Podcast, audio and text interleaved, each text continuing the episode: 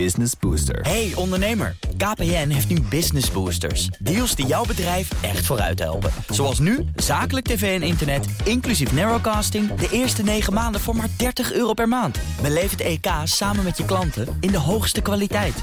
Kijk op kpn.com slash businessbooster. Business Booster. Oekraïnse hoofdstad Kiev is vannacht weer eh, bestookt met eh, drones. Heeft eh, geen grote schade veroorzaakt. En eh, Zelensky, president Zelensky, maakt zich op voor een bijeenkomst van de NAVO-Oekraïne-raad. Onderwerp van gesprek onder meer de geklapte graandeal met Rusland. Maar het zal ongetwijfeld ook over eh, wapenleveranties gaan. Bij ons is buitenlandcommentator Bernard Hammelburg. Eerst even over die, die drone-aanval op, op Kiev. Hè. Dat zou om die Shahed-drones gaan, meldt in ieder geval Oekraïne. Die zouden allemaal eh, neergehaald zijn door het luchtafweersysteem, waardoor de schade beperkt is. Ehm, wat dat betreft kun je stellen dat het op dit moment in elk geval nog goed gaat met het luchtafweer, in ieder geval rondom Kiev. Hè. Bij Odessa Ja. zien we wel andere verhalen Ja, natuurlijk. ja, ja in, in Kiev, precies, daar redden ze het nog. Daar hebben ze misschien ook nog voldoende afweer. Sommige van die drones die missen ook gewoon doel hoor. Dus eh, ze, ze laten er ook denk ik een aantal gaan. Maar inderdaad, ehm, en het was duidelijk eh, eh, een, een, een wraakactie ja, die, voor eh, die aanval eh, gisteren op, eh, in, op Moskou. Ja. Dat, dat heeft, heeft er behoorlijk ingehakt, letterlijk en figuurlijk. Daar zijn de Russen woedend om. Maar je kunt ook zeggen, ja, maar er is elke dag wel een excuus om dit te doen.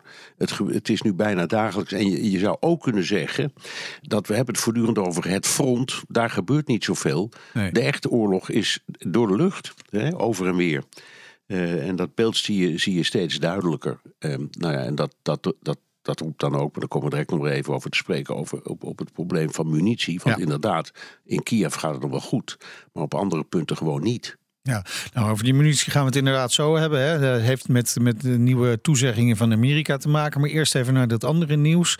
eh, dat er rondom die kerncentrale bij Saporizhia mijnen zouden leggen. Dat heeft het Internationaal eh, eh, eh, Energie-Atoomagentschap gemeld. Dat, dat klinkt natuurlijk niet heel erg geruststellend. Hè?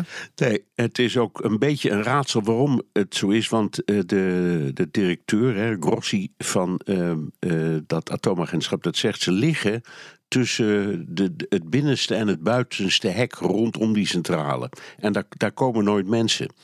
Dus eh, het is een beetje vreemd waarom ze nou daar precies mijnen hebben neergelegd. Eh, mijnen zijn bedoeld tegen voertuigen en mensen. Dus eh, de, bedoeling is om die daar weg te halen. Maar nogmaals, die, die, die komen overal rondomheen, maar niet daar. Maar het is inderdaad een doodeng idee. Niet dat een mijn een kerncentrale kan Nee. beschadigen hoor. Zo is het niet, want daar is het gewoon een veel te klein wapen voor. En, en in die centrale van Zaporizhia zitten zes centrales onder één kap. En die, die dingen die zijn zo verschrikkelijk eh, goed eh, of zo, zo verschrikkelijk stevig. Die kun je eigenlijk met bijna niks aan. Die kun je bijna niet uitschakelen. Dus daar zit het gevaar niet in. Maar er is altijd een gevaar dat, en dat hebben we nu de afgelopen maanden vele malen gezien, eh, dat bijvoorbeeld de stroomtoevoer op de een of andere manier in gevaar komt. En dan komt de koeling van de hele centrale in gevaar. En dan krijg je weer die paniek van: oh jee, er zal toch niet een ontploffing of een kernontploffing of zo komen. Nee. Dus het is een raar verhaal. Niemand begrijpt precies waarom dit is gebeurd. Ehm, het is misschien ook gewoon een routinehandeling geweest van soldaten die daar waren, zonder daar al te diep over na Ja, te denken. Ja. Dan, dan naar die, die NAVO-Oekraïne-raad, hè, waar eh, Zelensky eh, eh, eh, zich op voorbereidt. Wie, wie zit er daarin naast Zelensky? Ja, dat is eh, een doekje voor het bloeden geweest eh, tijdens de NAVO-top van pas geleden in Vilnius. Toen eh, Oekraïne steeds maar zei: wij moeten en zullen lid worden. en sommige landen daar ook wel oren naar hadden. Anderen riepen: nee, dat kan niet. En uiteindelijk kwam, was, was de conclusie. Pas als de oorlog is afgelopen en Oekraïne aan alle normale voorwaarden voldoet. Dus dat duurt nog jaren en jaren. En als een doekje voor het bloeden hebben ze dus ja, een NAVO eh, Oekraïne-raad opgericht, zoals er vroeger ook een NAVO-Rusland-raad was. eh, waardoor ehm, eh, in geval Oekraïne rechtstreeks met de NAVO kan overleggen. En die is dus daar voor het eerst bij elkaar geweest in Vilnius. En nu voor de tweede keer op verzoek van Zelensky, die zegt: Ik wil jullie dringend spreken. Nou, dat gebeurt dan ook. Dus ja. ja. En, en waarover wil hij de, de NAVO dan dringend spreken? Gaat het Nou over ja, die, die graandeal? Ja, het zijn vier dingen. Wapens, wapens, wapens en wapens. Dat zijn de eerste drie. En dan die graandeal natuurlijk. Want ja, uh, Rusland heeft nu, doet alle mogelijke pogingen om ieder geval het graan uit Rusland weer te laten komen. En ik denk dat dat lukt. Dat doen ze via uh, Turkije. Uh, Turkije was ook een van de architecten van die graandeal met uh, Oekraïne en Rusland samen. dat deel dat lukt niet. Sterker nog, je kunt aan, aan de bombardementen zien die, die, die Rusland uitvoert. Um, dat die steeds meer gericht zijn ook op de, de infrastructuur. Dus de, de, de plekken waar vandaan Oekraïne mogelijkwijd nog graan zou kunnen uh, exporteren, die worden gewoon uitgeschakeld. Um, en dat is ook een hele dringende kwestie, een hele belangrijke kwestie. En, en uh, die wil uh, Zelensky met de NAVO-partners bespreken. Ja, maar wat, kan die, wat kunnen die NAVO-partners doen? Um, ik, ik vrees niet al te veel. Um, kijk, de belangrijkste NAVO-partner in dit, in dit geval is natuurlijk Turkije. Ja. Dus um, wat ze misschien hopen is dat Turkije tegen Rusland zal zeggen: wij willen jullie dolgraag helpen met het, uh, het voortzetten of weer op gang brengen van jullie graanexport. Maar dan moet je je ook aan de rest van de afspraak houden.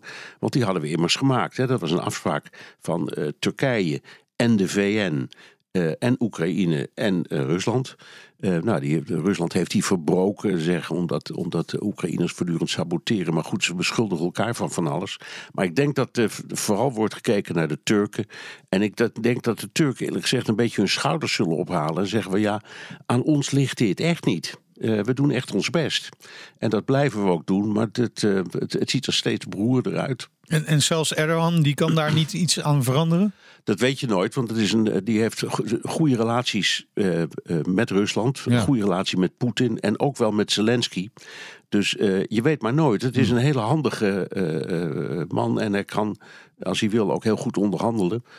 alleen de Russen, die, ik denk dat de Russen meer Erdogan zien als iemand die zij gebruiken om te doen wat ze willen, dan andersom.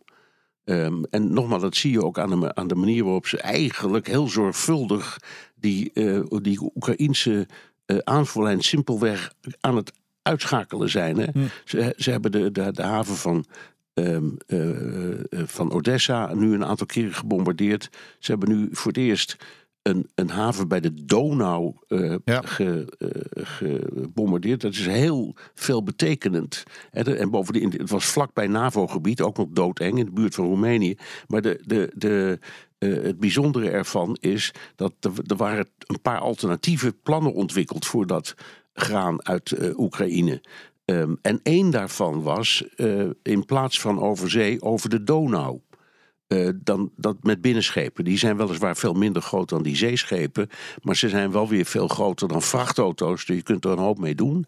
Dat plan dat wordt, werd wordt uitgewerkt. En dit was nu een van die plekken hmm. waar die, de la, het laden van die schepen zou kunnen gebeuren. En dat is nu ook uitgeschakeld. Dus de, de, de Russen zijn bezig met het uitvoeren van een heel duidelijk plan om het Oekraïne simpelweg onmogelijk te maken om in elk geval via zee of water ja. Uh, graan te exporteren. Ja, de, de, dan naar die andere vraag hè, van, uh, van Zelensky om die wapens, wapens en nog eens wapens.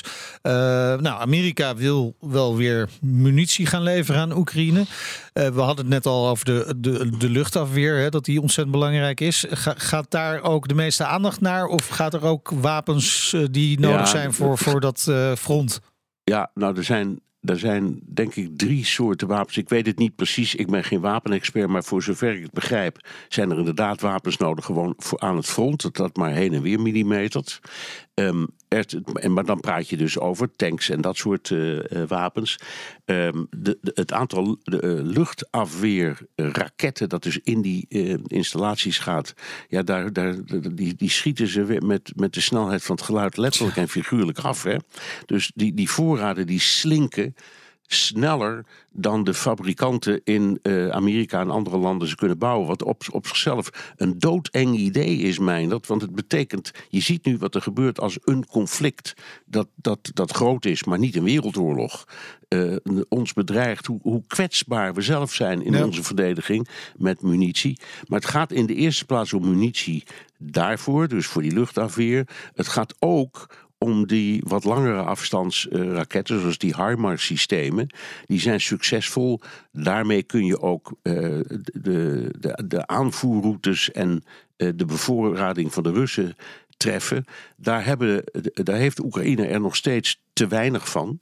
Um, en uh, nou ja, ik, ik zeg steeds, Biden die, die, die heeft een beetje wonderlijk beleid. Die staat met één voet op het gaspedaal en ja. met het andere op de rem. Dus uh, die houdt dat ook een klein beetje tegen. Maar in elk geval, het gaat vooral om munitie en om lange afstandswapens. Dat is het belangrijkste. Dank, buitenlandcommentator Bernard Hammelburg. Business Booster. Hey ondernemer, KPN heeft nu Business Boosters. Deals die jouw bedrijf echt vooruit helpen. Zoals nu, zakelijk tv en internet, inclusief narrowcasting... de eerste 9 maanden voor maar 30 euro per maand. Beleef het EK samen met je klanten in de hoogste kwaliteit. Kijk op kpn.com slash businessbooster. Business Booster.